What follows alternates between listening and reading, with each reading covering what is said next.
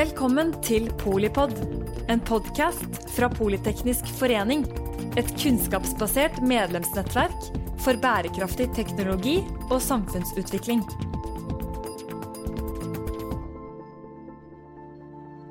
Velkommen til full sirkel av Polipod. Dette er podkasten som gir overblikk og dypdykk i temaer innen sirkulærøkonomi for både mannen i gaten og den mer erfarne bransjeeksperten. Vi har jo lovet å belyse sirkulærøkonomien fra ulike innfallsvinkler, og vi er i dag tilbake med en kjenning fra en tidligere episode, nemlig den sirkulære innovatøren Lars Urheim.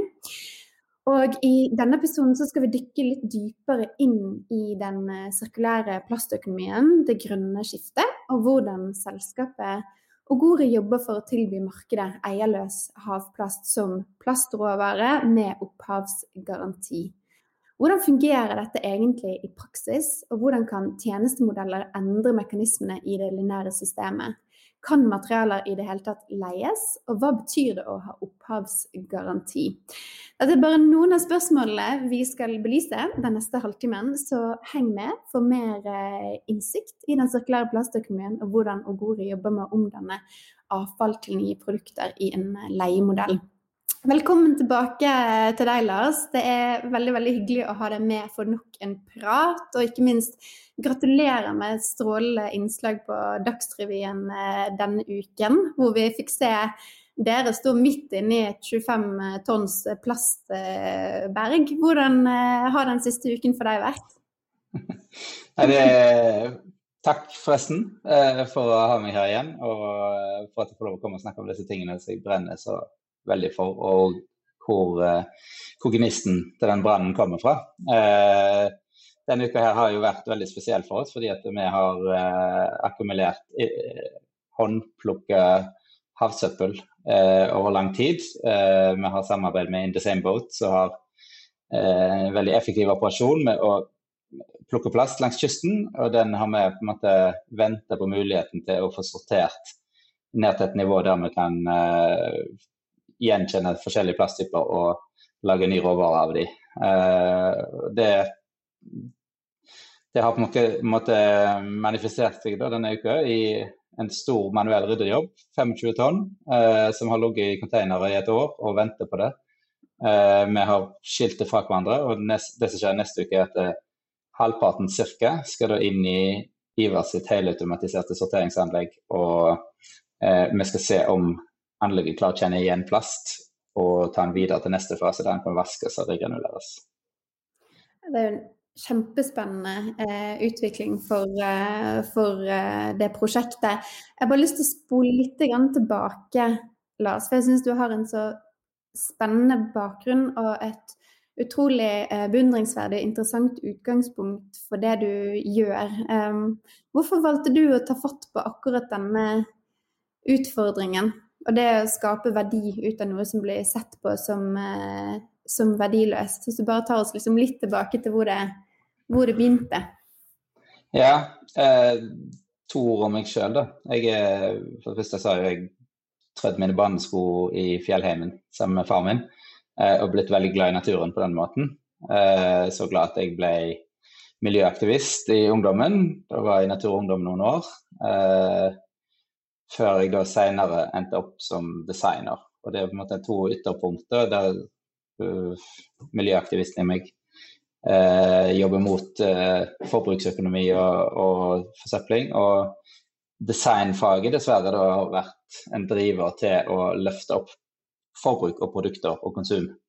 Uh, så, så, det som har drevet meg i utgangspunktet, er å prøve å kombinere de to interessene her. Da, altså det nyskapende i form av design, det konserverende i forhold til miljøvern. Hvordan kan vi designe systemer som tar vare på planeten istedenfor å forbruke den. Uh, så det er på en måte min, min, bakgrunn og mitt engasjement. Og så startet jeg og min uh, kompanjong Eirik Helgesen Ope for ti år siden ca. Uh, med en idé om å lage ekte sirkulært produkt.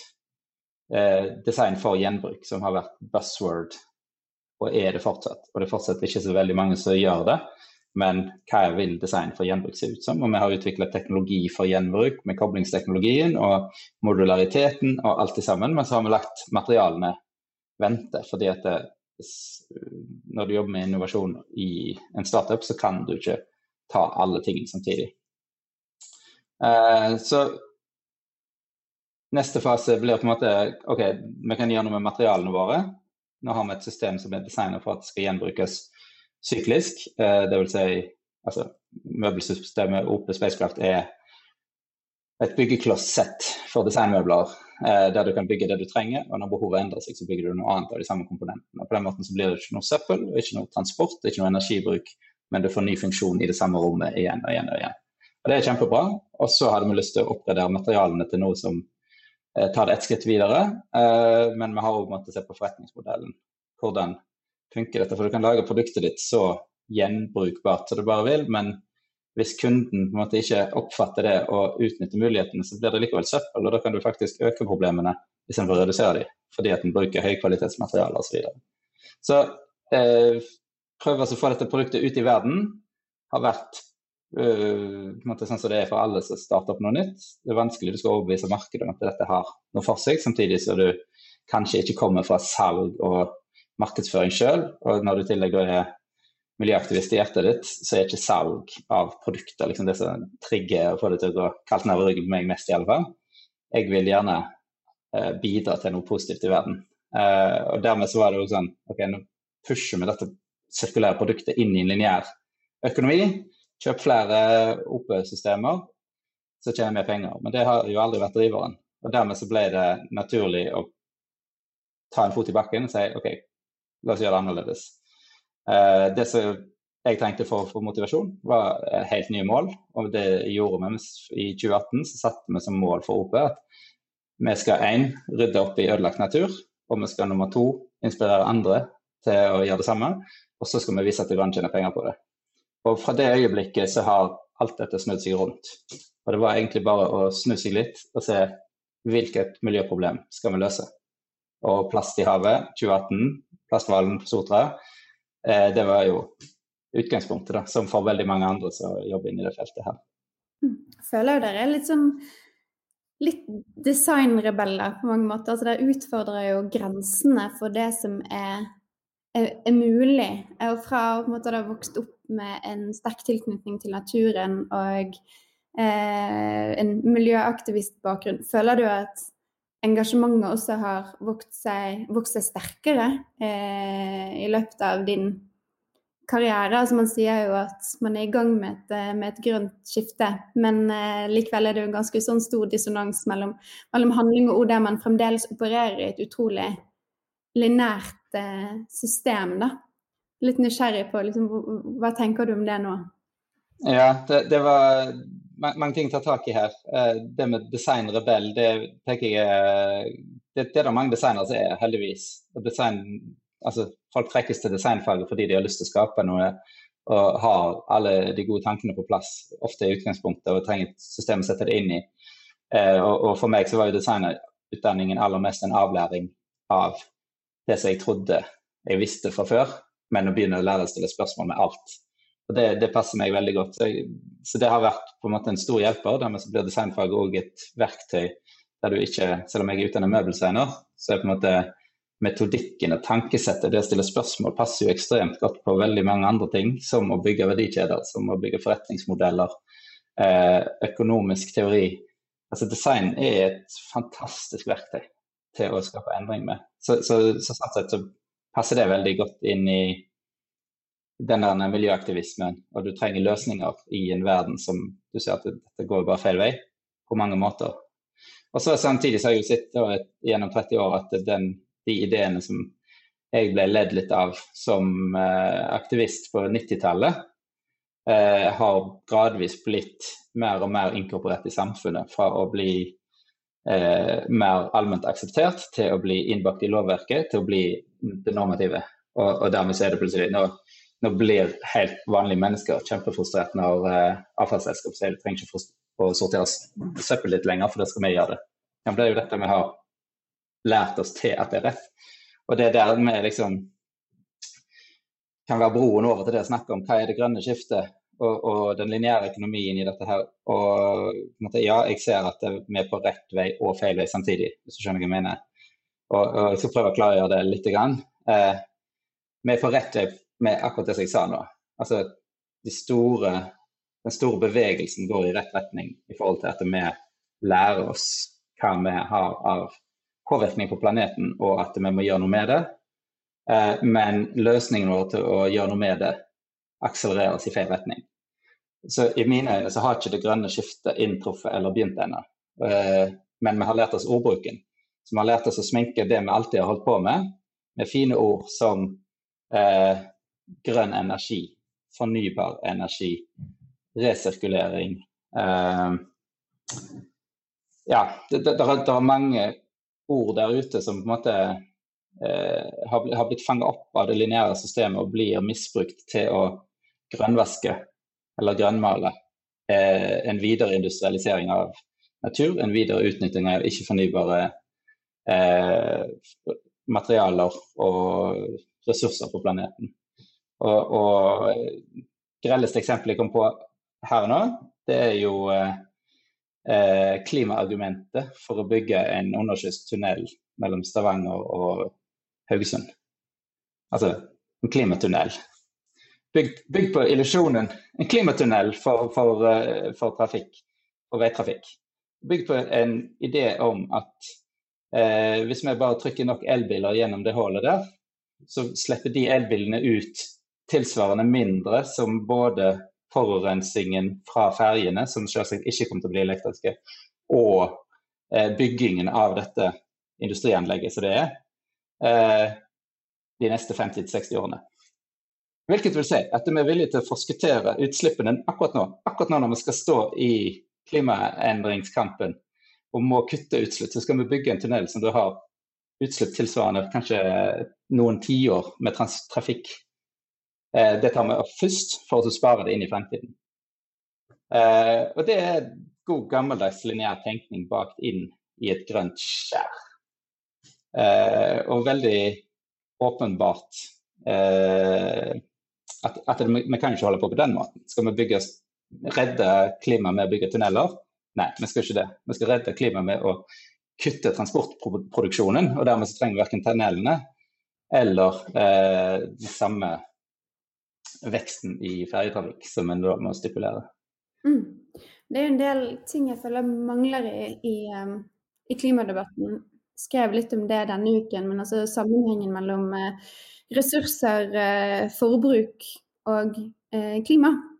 At det mangler i stor grad. altså Den samtalen om, om vår ressursbruk i, i, i dagens liksom, politiske samtale. Og jeg skal komme over en, en stortingsmelding, en NOU fra 1974 som heter eh, Norges eh, ressurssituasjon i global sammenheng. Og det er altså som et sånt ironisk stikk fra fortiden. For der står det jo eh, svart på hvitt i den stortingsmeldingen at altså, hensynsløs utnyttelse av, av, ressursene våre i et sånt evig vekstparadigme det vil påvirke den globale varmebalansen. Man snakket allerede da om, eh, om eh, økning av CO2 i atmosfæren og de negative konsekvensene av det. Og 50 år senere så, så adresserer vi fremdeles ikke ressurs- og forbruksspørsmål i tilstrekkelig grad. Da.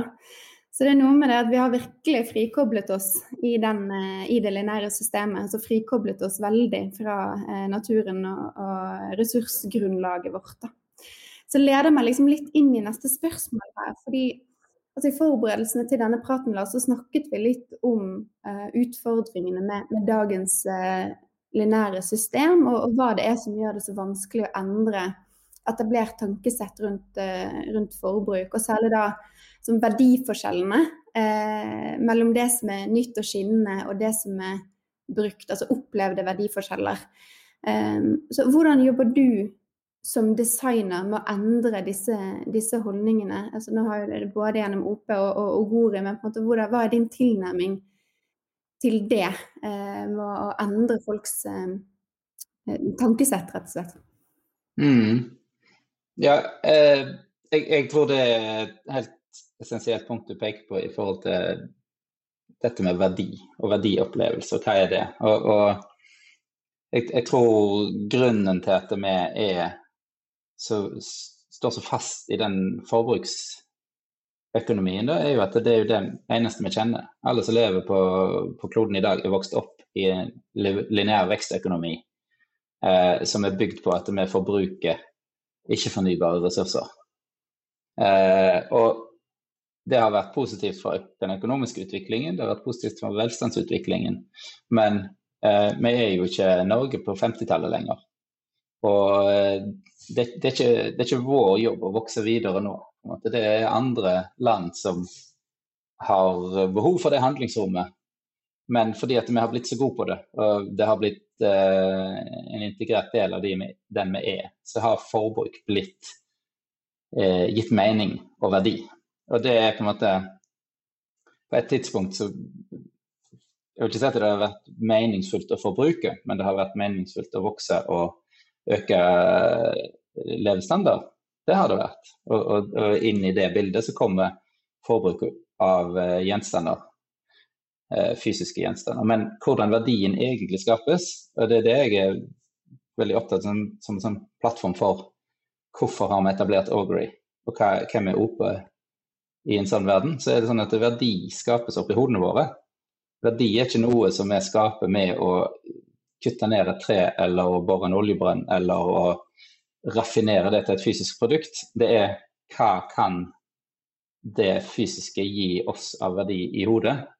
Eh, men det kan vi like gjerne hente fra de ikke-fysiske tingene. Så verdiskaping er ikke en fysisk prosess, det er en mental prosess. Og eh, hvordan jobber du med det utgangspunktet som designer? Det er jo gjerne det spørsmålet jeg skal prøve å svare på. Og da er det sånn Hva er det som gir verdi i vår tid? Eh, og i vår tid så ser vi jo sånn som vi snakket om tidligere, at eh, alle har nå på en måte internalisert behovet for å gjøre noe med miljøproblemene. Eh, så naturen, og den rene naturen, det er noe som skaper verdi for menneskene. Eh, tid med familien skaper verdi.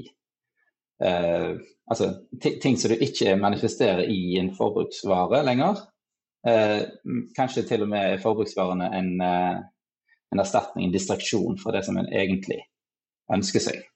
Eh, og det er et godt utgangspunkt for å jobbe med design, men som en da en utdannet møbeldesigner, objektdesigner, så er det tilsvarende vanskelig å forholde seg til. Da, da skal du frigjøre deg fra det fysiske.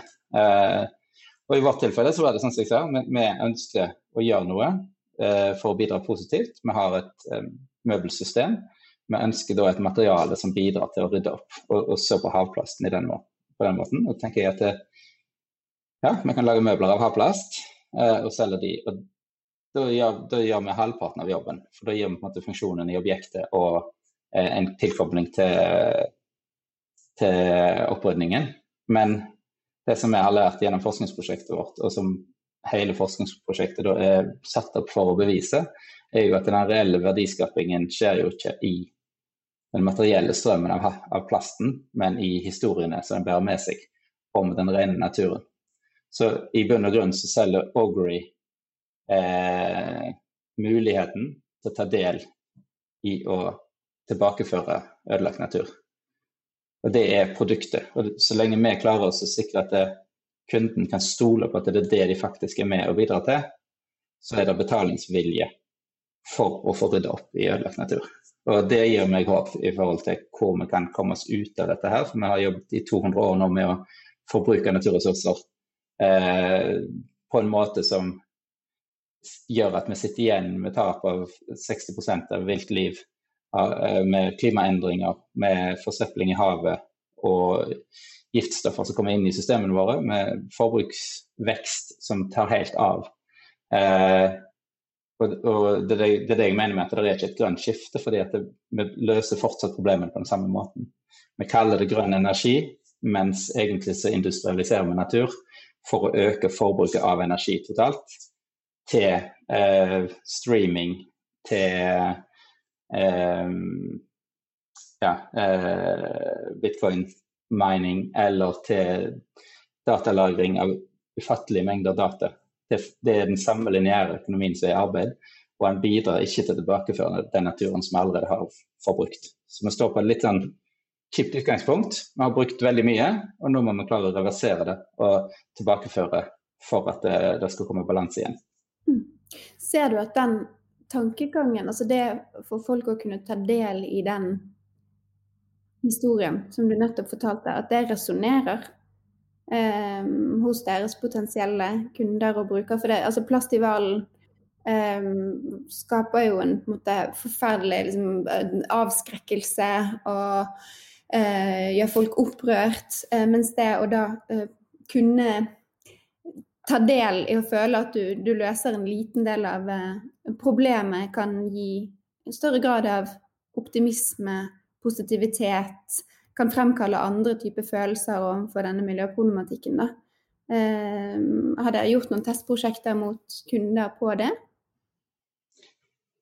I, til en viss grad. Nå er vi midt inne i prosjektet. så et, et, mål på om dette her er, har noe for seg, er jo at det er en enorm, enorm interesse rundt det. Og, og, tillit til at vi faktisk bringer noe nytt til bordet her. Eh, vi blir jo gjennom Augury da, og OP for så vidt òg, eh, får vi henvendelser stadig fra folk og selskaper som ønsker å ta i bruk havplast inn i sine produkter, fordi at de ser den økonomiske oppsiden i det i sitt marked. Så, så jeg tror det, det, er nok av bekreftelse på at dette her er interessant fra et økonomisk perspektiv, men en har en lei tendens til å glemme den siden som, som eh, er på en måte flipside her, da. Hvis du skal ta det materialet her og sette det ut i markedet, så må du òg ta det ansvaret som det er til det aldri skal komme på avveie igjen. Fordi det er, eh, det er et forvalteransvar. Vi har kalt det for Plastic Capture and Storage for en grunn. Vi skal ta den plasten ut av naturen, og så skal vi omforme den til objekter som skal være hos menneskene til evig tid. Og da nytter det ikke å lage eh, caps og kulepenner og solbriller eh, som folk mister og mister interessen for. Da må man faktisk gå dypere og finne ut hvordan kan vi lage objekter som blir med oss så lenge så det gir mening på et materiale som varer så lenge som, det, som plasten gjør. Og hvordan skal vi sikre at det materialet, når da brukstiden er over, går tilbake igjen inn i syklusen og blir brukt på nytt igjen. Og det er jo det Ogry da eh, er bygd for å håndtere, mm. rett og slett. Ta plast ut av naturen, lagre den i objekter, holde de objektene hos menneskene til evig tid. Du har sagt det så fint en gang før, tror jeg. Altså, eh, forbruksvarer, så lineære forbruksvarer, de, de, eldes jo ikke med verdighet. på en måte. De blir bare ødelagt. De er lagd for å bli, eh, bli ødelagt.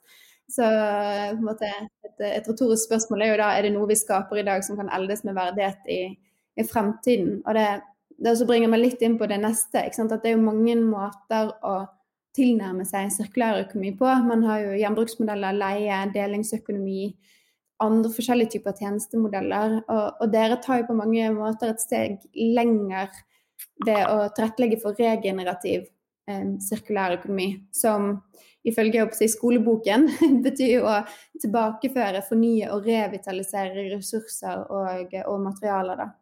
Um, kan du bare fortelle litt om hvordan dere tolker altså begrepet regenerativt i, i Ogori og, og OP? Altså hvordan dere egne prinsipper på, på, hva dere ser på som ekte sirkulært? Du var litt inn, inne på det i begynnelsen.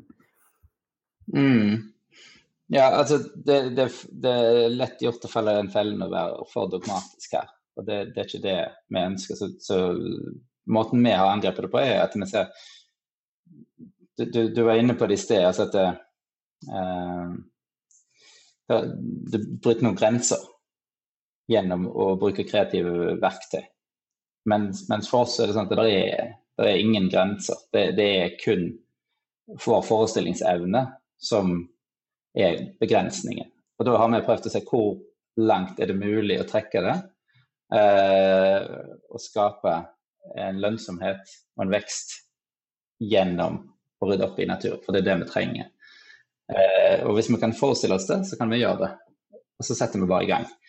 Eh, jeg vet ikke om det var på en måte litt sånn svar, svar på det du spør om, da. Men, men hva, hva, er det da Ogry blir og hva er det som skiller det fra de andre? Jo, Ogry Eh, og, og, og hvordan kan objekter lagd av Ogry-plast eldes med verdighet? Jo, fordi de bærer i seg historien helt fra råvaren ble plukket opp av en frivillig på en værhard øy på Helgelandskysten, og gjennom alle de hendene som den, det materialet har vært innom, og i form av et objekt.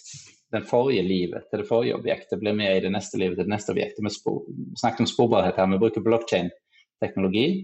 Eh, praktisk anvendelse av blockchain og kobler hver hendelse i materialhistorien opp mot blockchain. sånn at den blir med videre. Og dermed så ikke bare eldes objektene med verdighet eh, som de de er, men de er òg en bærer av vår historie om hvordan we fucked it up, og hvordan vi rydder opp igjen. For det har jo menneskeheten klart gang på gang i tidligere årtusener med å invadere nye kontinenter eh, og utslette dodoene i jeg ikke det heter i Australia, eh, eller eh, skogen i, i Nord-Afrika.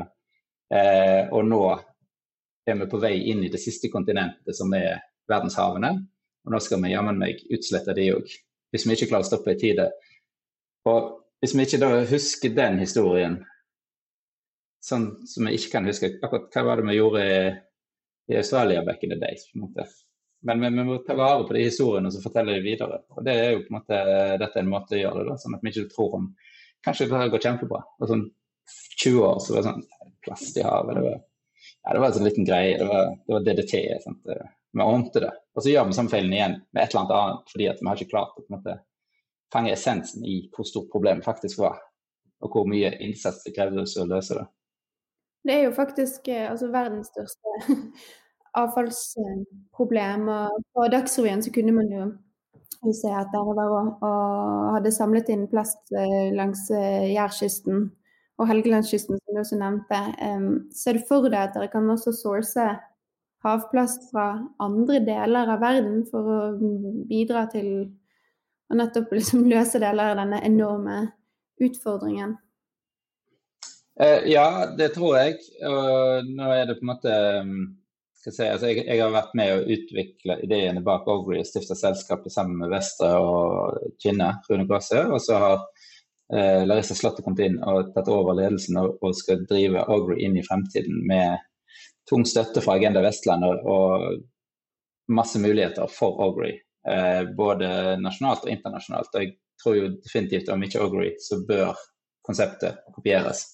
Eh, hvordan kan vi gjøre materialer om til tjeneste, er noe som jeg har lyst til å gi verden og bli kopiert på.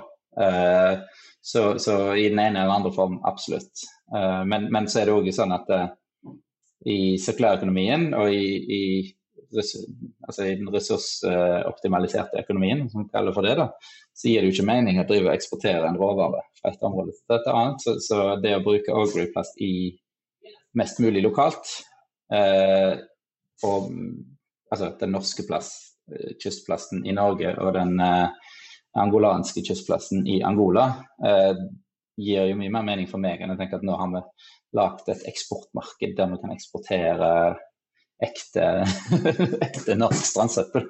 Uh, vi eksporterer ideene heller.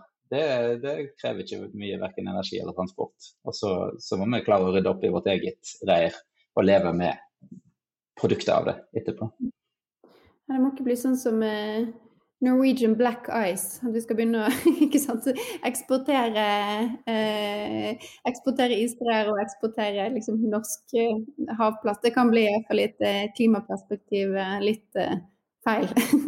ja, det, det, gjelder jo å klare å se hele bildet. sant? Ja, ja. Det det, det, jeg syns er så fint med måten du tenker og måten dere også tenker både i OP og GORI, at det er en helhetstankegang. Og man har satt veldig også tydelige grenser for seg selv. Um, det vi skal gå litt inn for landing eh, nå, men du har jo nevnt eh, for meg tidligere Lars, at du i oppstarten av OP stilte deg selv spørsmålet hvordan kan man forsvare egen vekst? Um, og det vil jo bli et grunnleggende spørsmål når man kommer inn i det grønne skiftet. Så mange virksomheter mest sannsynlig eh, må måtte finne gode svar på. Um, enten de vil det eller ikke. Da. Uh, føler du i dag at du har svaret på det? Eh, på en måte, ja. Eh, jeg, ble, jeg var på pionerkonferansen her i Stavanger i høst en liten sånn opplett i, i eh, koronarestriksjonene. Og så var det en uh, industrileder der som åpent spurte vi jobber med miljømålene våre. Og så, og så er vi litt sånn på søken. Hva, hva skal vi være? Og da, da, gikk jeg til han etterpå og så ga jeg han vårt miljømål. Er, det er så enkelt, og det kan implementeres i absolutt alle virksomheter. og si at Vårt mål er å rydde opp i miljøproblemer. Det kan alle bedrifter gjøre. Så må du finne ut selv hvordan de relaterer det til sin virksomhet. Men, men, selv om det ikke har vært et mål de siste 200 årene, så har alle virksomheter drevet med akkurat det motsatte. Så vi har, vi, har, sagt vi skal tjene mest mulig penger på å utnytte naturen på en råest mulig måte. Det har vært målet fram til nå. Og så kan vi snu det på hodet, så vi skal tjene mest mulig penger på å rehabilitere naturen mest mulig effektivt. Så det er oppskriften eh, til alle der ute som lurer på hvordan setter du et enkelt og målbart eh, mål for bedriften. Men da, etter det så vil òg alt endre seg. Mm. Eh, helt til sist, Lars. Hvis du skal se inn i krystallkulen som en eh, gammel mann en gang, hva håper du å ha oppnådd med, med det du holder på med nå? Og gitt et bidrag, tenker jeg. Men, men, helt konkret i forhold til det som vi holder på med med Augury, så håper jo jeg at, med at noen strekker seg langt, langt ut og inspirerer andre for litt. Så trekker vi opp, eh, opp lister for hva som er akseptabelt. Sånn at eh, vi er bare en av veldig mange som bidrar til at det skal være fullstendig uakseptabelt å bruke plast til engangsformål på noe som helst område. Så det, det, er på en måte mitt ønske og håp at jeg kan bidra til. Forbud mot mikroplast i alle forekomster, og forbruk mot engangsplast i alle forekomster. Det, det kan vi bare ikke leve med lenger, det må komme fort. Det, det, det støtter jeg, så jeg er veldig glad for at vi har visjonærer og pådrivere som, eh, som deg. For det, det trengs uh, virkelig. Vi er dessverre tom for tid. Som alltid så er det veldig veldig hyggelig å prate med deg. Vi kjenner vi kunne pratet lenge. Du får vurdere som sagt å sette opp en clubhouse for full sirkel. Tusen takk til deg, Lars uh, Urheim. Takk til alle dere som lyttet. Uh, du finner denne og andre episoder av Full sirkel under podkasten Polipod på både Spotify og Apple Podcast. Og ikke glem å følge Politeknisk forening for innsikt og inspirasjon om bærekraftig teknologi og samfunnsutvikling. Takk for i dag. Takk for at du lyttet til Polipod fra Politeknisk forening. Få med deg flere episoder eller bli med på nettverksmøtene som du finner på at polyteknisk.